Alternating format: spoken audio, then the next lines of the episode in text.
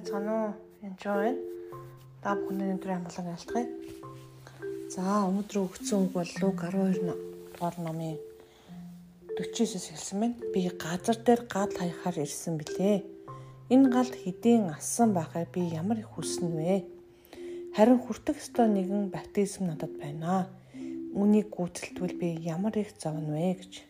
Тэр үнэхээр газар дээр гал хаяхаар ирсэн Иесус. Тэгэд гал хэдийн асан байхыг би ямар хүсэж байна гэж. Тэгээд үнэхээр олон төрлийн баптизм байдаг л да хүмүүс ганц усан баптизм байдгаас гадна хариу сүсний баптизм, галан баптизм гэх юм уу. Зарим хүмүүс бас өөр баптизм байдаг гэж ярьдаг. Ямар ч үсэн энэ дэр бол тэр галан баптизмыг энэ баптизмын талаар бол олон хүн заавал хүртэх албатай баптизм биш байгаа. Энэ бол ерөөсөндөө яг Иесус Христ бидний төлөө амиа өгж байгаа баптизмаа хэлж байгаа гэж би говьтой бол ойлгодог. Гэхдээ та бүхэн бас өөр библийн ишлээс болон өөртөө бас уншаад ойлгосоо гэж хүсэж байна. Харин хүртэх ёстой нэгэн баптизм байна гэж. Үнэхээр доошхоо үхэлд ороод тэг 3 хоноо дахиж амьдах тухай ярьж байгаа. Надад энэ өмнөний гүйцэлтэл би ямар их зовно вэ гэж. Тэр өмнөний хүртэл би маш их зовно гэж хэлж байгаа. Үнэхээр тэр баптизм бол загтмуудаа цовдлогдох бол үнэхээр маш хүнд тийм зовлон байгаа. Иесус ганцхан зодуул цохолж хаас гадна бүх хүний гим нүглийг үрж байгаа Тэгэд маш хэцүү ачаа үрж байгаа. Аа тэгээд тэр үедээ хүртэл баг эзний цараас холддог байж байгаа. Та нар намайг дэлхийд инх тайвныг бэлгэлэхээр ирсэн гэж бодов. Үгүй ээ. Харин хагарал гэдгийг би та нарт хэлье. Учир нь одооноос нэг өрхийн 5 гишүүн 3 нь 2-ынхоо эсрэг, 2 нь 3-ынхаа эсрэг болж хуваагдана. Эцэг нь хүүгийнхаа, хүн эцгийнхаа эсрэг, их нь охиныхоо, охин эхийнхаа эсрэг, хадам их нь бэрийнхаа, бэр нь хадам ихаа эсрэг болж тэд хуваагдах болно гэв. Тэгээ үнэхээр Иесус Христос болж хуваагдал гартгүй гардаг.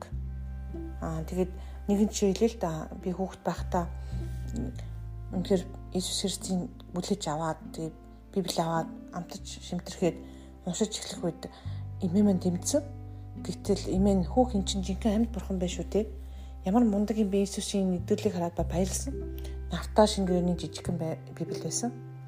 Тэр үед тэгээ дараа нь би тэрнээс итгэлээсээ хүртэл холдсон ч юм уу тохиолдод байгаа. Манай ээж минь хавцсан байдаг. Ээж маань харин шашин буруу толгойг ч угааж ийн гэд тэгэд энд явах юм бол болохгүй шүү гэд хавчаад тэгээ би библиэ нуугаад ерөнхийдөө тэгээд сүмдөө явахгүй болж исэн. А явал болохгүй шүү өнтер гэд цүүлдээ бүр буруу ч юм шиг санагдаад аа тэгээд янз янзын болж л байсан л да. Тэгэхээр үнэхээр гэр дотор тийм хуваагдтууд бол үүсдэг байж байгаа. Тэгээ энэ ишлэлийг би уншаад та бүхэнд бол энийг танд юу гэж ойлгох ойлгож өгөх гэжсэнс би асуугаасаа гэж хүсэж байна. Тэгэхээр Библи уншихад уншсан ишлэлийг тайлбарлахаас гадна тайлбарлаж ойлгуулахаас гадна хүмүүс ойлгодгүй боловч ойлгодог болсон дараа ойлголтын сүнс буюу ойлголт гэж ойлголт илчлэлт гэж бас байдаг. Эзнээс ирдэг илчлэлтийг авахаас нааш тэр үгэн дотор хүн амьдрч чаддгүй. Үг уншиж хэрэгжүүлэхийн тулд эзэн тэр хүнд бүр ингээд ян гэтэл ойлголтыг өгдөг. Жишээлбэл чи үннийг мэдхэд үнэн чамайг чөлөөлнө гэдэг бол үгийг би маш олон одоо ч уншсаар л байгаа. Уншаал үргэлж гэсэн уншиж байгаа. Хууч нэг хэсэг бол үргэлж уншиж байсан. Одоо бол аа би энэ үн чинь үнэн энэ үн эсхийг мэдхэд би энэ энэ асуудлаа чөлөөлөгдөж байгаа маань гээл эзэн илчилт өгөөд тэр илчилтийн ачаар Жишээлбэл Иесус үглээхэд ариун сүнс орж исэн шавнарт нь ч гэх юм уу те. Энийг ингээд уншаал урд нь эзэж уншдаггүй байсан чирэл долоон сүм сүм чуулганы тэнгэр элчид бичиж гинэ гэхэд би урд нь ерөөсө тэр үгийг уншдаггүй байжгаад гинт нэг өдөр олж харсан. Хөх эн чинь тэнгэр элчид байх шүү дээ гэх юм уу. Гэх мэтлэн илчилтийг мэдэж ойлгож авчиж тэр нь хэрэгжиж тэрийгэ биелүүлэх гэж хичээдэг баг. Тийм учраас та Библийг уншихдаа а одоос эхлээд яг өөрөө эзэн дээр ирээд эзэн та энэ үгээ ойлгуулж өгөөч ээ. Та үнэхээр бидний төлөө цовдлогдсон. Тэгээд таны цовдлогдод би хамт үхээд тантай хамт би дээж хүргэсэн. Үхээд амьлс. Тэгээд дээж хүргдөө сууж агаад тэгээд энэ таны үг байна. Энэ үгийг та надад илчилж ойлгуулж өгөөч ээ гэд ярьж сурах хэрэгтэй.